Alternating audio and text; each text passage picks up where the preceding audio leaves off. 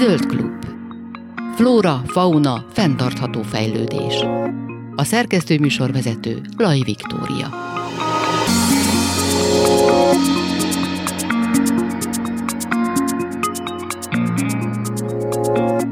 Köszöntöm a hallgatókat, Laj Viktoriát hallják. A Trends in Ecology and Evolution című szaklapban jelent meg a Debreceni Egyetem kutatóinak a, a cikke, amiben azt állapították meg, hogy egyre kockázatosabb több ezer kilométert repülni a sarkvidéken szaporodó madaraknak. De hogy pontosan igazából hogyan jutottak erre a következtetésre, milyen adatokat vetettek össze, arról kérdezem most dr. Székely Tamást, ökológus, biológust, a Debreceni Egyetem professzorát és az MTA külső tagját. Jó napot kívánok, szervusz! Szervusz, örülök, hogy beszélgethetünk erről a nagyon fontos témáról. Hát a történet úgy indult, hogy kb. három évvel ezelőtt publikáltunk egy, egy cikket a, a világ egyik legjobb tudományos lapjában, egy Science, egy amerikai folyóirat, ami azt mutatta ki, hogy a, az utóbbi kb. 20 évben azok a, azok a madarak, a én nagyrészt madarakkal foglalkozom, azok a madarak, akik a sarkvidéken, tundrákon költenek, azoknak a szaporodási sikere az, az folyamatosan csökkent az elmúlt mondjuk 20, 20 évben. És ez mit jelent? Az azt jelenti, hogy egyre, egyre több fészek pusztult el, és egyre kevesebb fióka kelt ki. Most ez uh-huh. nem, nem nehéz az kikövetkezni, hogy ennek a, a következménye az, hogy, hogy ugye a felnőtt madarak azok folyamatosan pusztulnak, de hogyha nincs utánpótlás, akkor a, a populáció az csökkenni fog. Na most ebbe az új, ez volt körülbelül három évvel ezelőtt, ebbe az új munkánkba azt csináltuk, hogy több kollégámmal együtt a, a Debreceni Egyetemen, a Sheffield Egyetemen és egy, egy norvégi oszlói intézménnyel közösen egy irodalmi áttekintést végeztünk, és azt néztük, hogy mennyire általánosak ezek a mintázatok, és mégis a szomorú eredmény az az, hogy a klimatikus változások azok, azok már kimutatható módon befolyásolják a, a vándormadaraknak és a vándorló emlős állatoknak is a viselkedését, és emiatt, emiatt várható, hogy, hogy a, azok a csodálatos madárvonulások, amiket most például kint a Hortobágyon lehet eh, látni, azoknak a nagyságrendje, időtartama, madarak száma az, az várhatóan változni fog. De igazából milyen szerepük van ezeknek az ott költő madaraknak, vagy ott szaporodó madaraknak ott a helyi ökoszisztémában, hogyha a sarkvidékeket nézzük? Tehát igazából mi a probléma ezzel, hogy az ő populációjuk ott csökken? Hát persze, igen, igen, azt nehéz tudni, tehát hogy, hogy, hogy, hogy az, az ökoszisztémák azok rendszerint, rendszerint komplex, komplex dolgok, tehát nehéz felmérni, hogy mi is annak a, a jelentőség, hogy a jegesmedve kiesik egy-egy adott területről, vagy azok a madarak, amiket mi tanulmányozunk, ezek a parti madarak eltűnnek. Hát a, a, a nehéz jósolni, pontosan ezért az ökológia ez egy nehéz tudomány, mert nagyon uh-huh. nehéz belátni, hogy mik lesznek ezeknek a hosszú távú hatásai. Az biztos, hogy a vonulások során ezek a jószágok, ezek a parti madarak, ezek nagyon sok tengerparti élőhelyen fordulnak elő, ragadozó madarak tőlük függenek, mert őket eszik gyakorlatilag, és valószínűleg a, a helyi ökoszisztémákban, tehát nem csak a sarkvidéken, hanem azokon az ökoszisztémákban is, ahol előfordulnak, ott hozzájárulnak a mikrobiomokhoz, hozzájárulnak az ürülékükkel, a táplálékláncok fenntartásához. Szóval nehéz, nehéz tudni, hogy pontosan mi lesz ennek a, a hatása. A, ismerve, a, ismerve az ökológiát, a, és az, ismerve az, hogy amikor a, a, a, az emberek belenyúlnak egy jó működő ökoszisztémából rendszerint csak jó dolog nem, haszon, nem, nem származhat. Hát az biztos.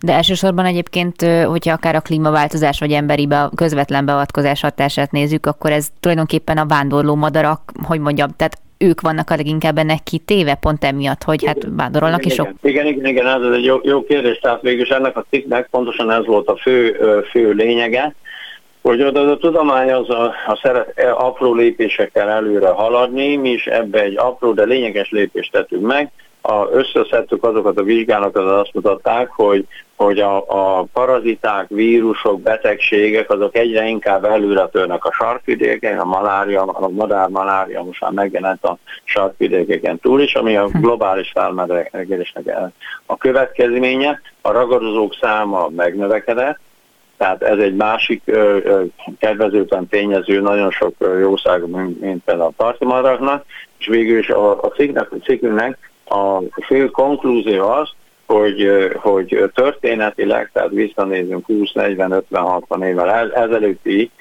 időszakra, a, sark, a sarkkör az egy biztonságos fészkelési, biztonságos mhm. szaporodási lehetőséget adott. Nagyon sok jószágnak. Nem véletlen, hogy, hogy a rényszarvasoknak megvoltak ezek a szezonális mozgásai, vándormadaraknak, livardibáknak, daruknak ezek a szezonális mozgásai, ugyanis ők azért mentek oda vissza, mert rövid idő, a sarkkörön nagyon rövid a szaporodási időszak, rendszerint kb. két hónap, rövid idő alatt szuperabundáns táplálék, tehát rengeteg táplálék van, Aha. és kevés a ragadozó.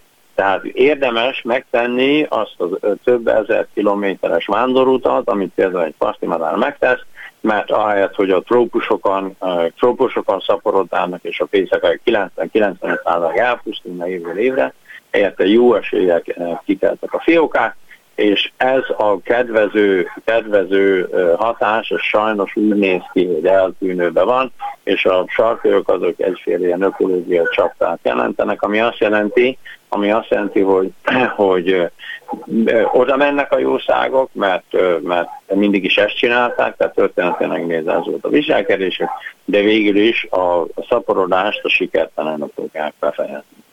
Ezt nem ebben a cikkben vizsgáltak, hanem egy korábbiban azt hiszem, hogy tulajdonképpen itt beszél, vagy említetted a, a fészek rablást, illetve a ragadozóknak a jelenlétét, hogy a 2000-es évek elejétől volt megfigyelhető az, hogy elkezdett nőni ez a fészekpredáció, amit ahhoz kötöttek, hogy az ottani lemming populáció az északi sarkon kipusztult. E, ez igazából mi volt ez az eset? Igen, igen, igen, hát ezek a, a sarki ökoszisztémák azok is elég komplexek, tehát ez egy trópusi trópusi nemzeti trópusi első erdő, még, még, még közelébe se járunk, hogy megértsük, de a sarki, a sarki populációk is, ha bár egyszerűen kevesebb faj van, ezért viszony, viszonylag összetettek. A sarkörnek az egyik fő tápláléklánca az a leming, parti madár és a ragadozók, például a mhm. sarki rókák közti kapcsolatot jelenti.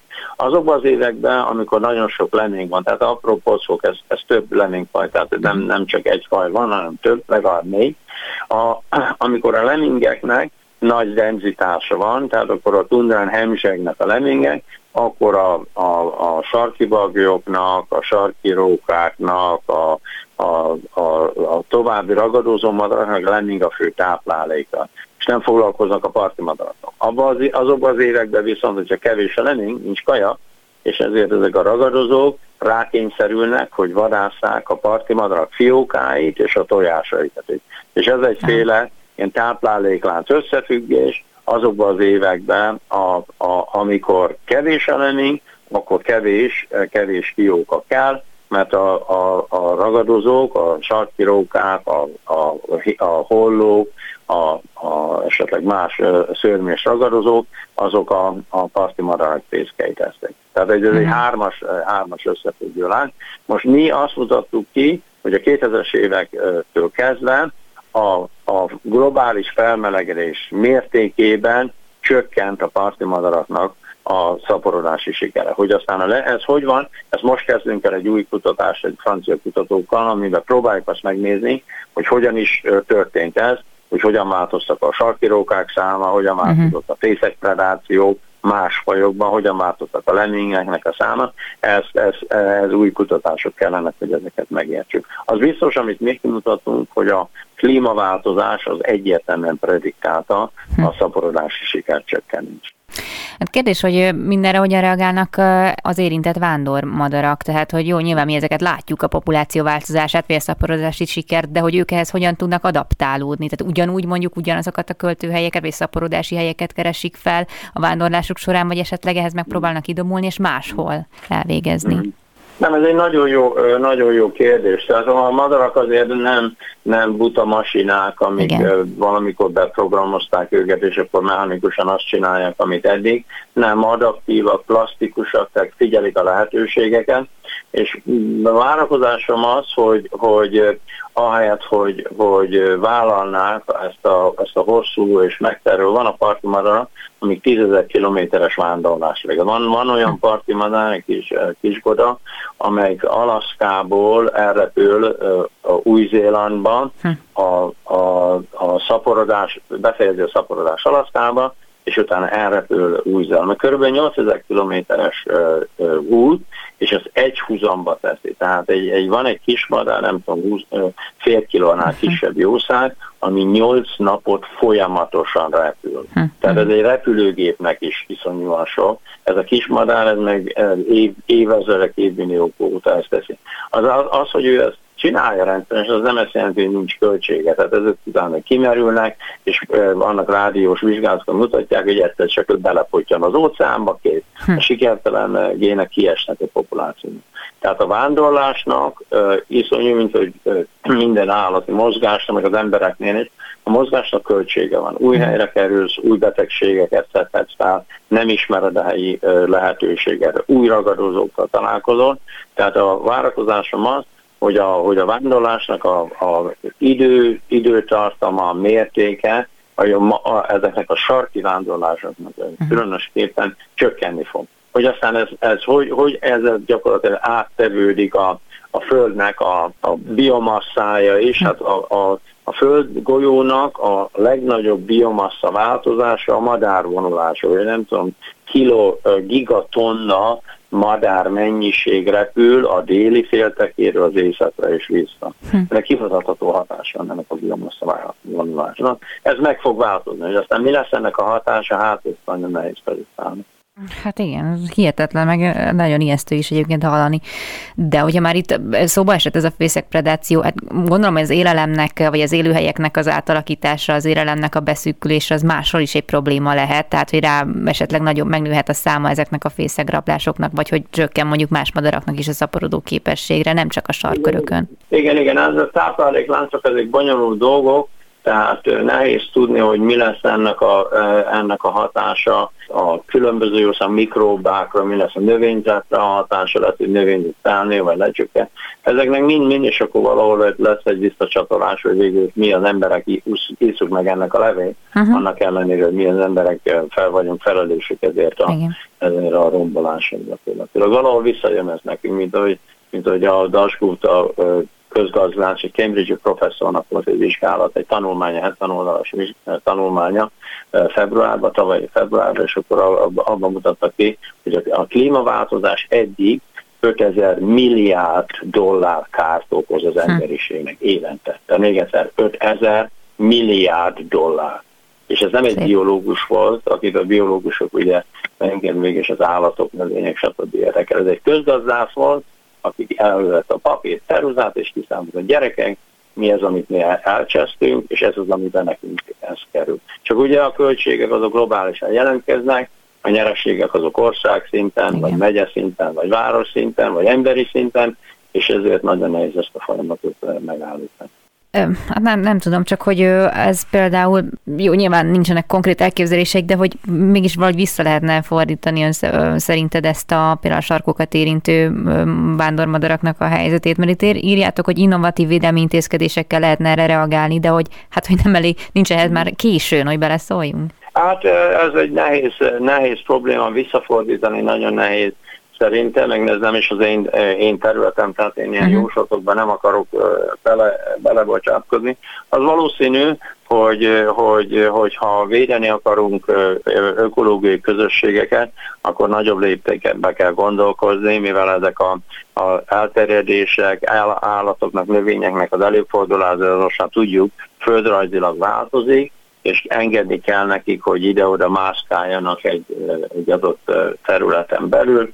Ez szerintem egyféle védelmi mechanizmus. A második az, hogy, hogy a sark, sarkörök, azok, azok, hát ugye fiziológiailag, tehát geológiailag nagyon kutatják, hát ennek a eredménye az, hogy sok, tudjuk azt, hogy nagyon sok ásványanyag halmozódik Antarktiszon és az északi sark körül, de biológiailag nagyon kevés, tehát ahhoz képest, amit például trópusi esőerdőkről vagy trópusi területekről tudunk, azért nagyon kevés, amit tudunk róluk. Tehát szerintem az első lépés az, az hogy hogy próbáljuk ezeket a, a meglévő közösségek, nem madár közösségek, általában ökoszisztémákról beszélnek, megérteni, próbáljuk ezeket modellezni, próbáljuk a klímát beletenni, és, és, és talán, hogyha megértettük, akkor utána el, el tudjuk kezdeni azt mondani, hogy hogyan, hogyan is lehet ezeket a hatásokat tompítani.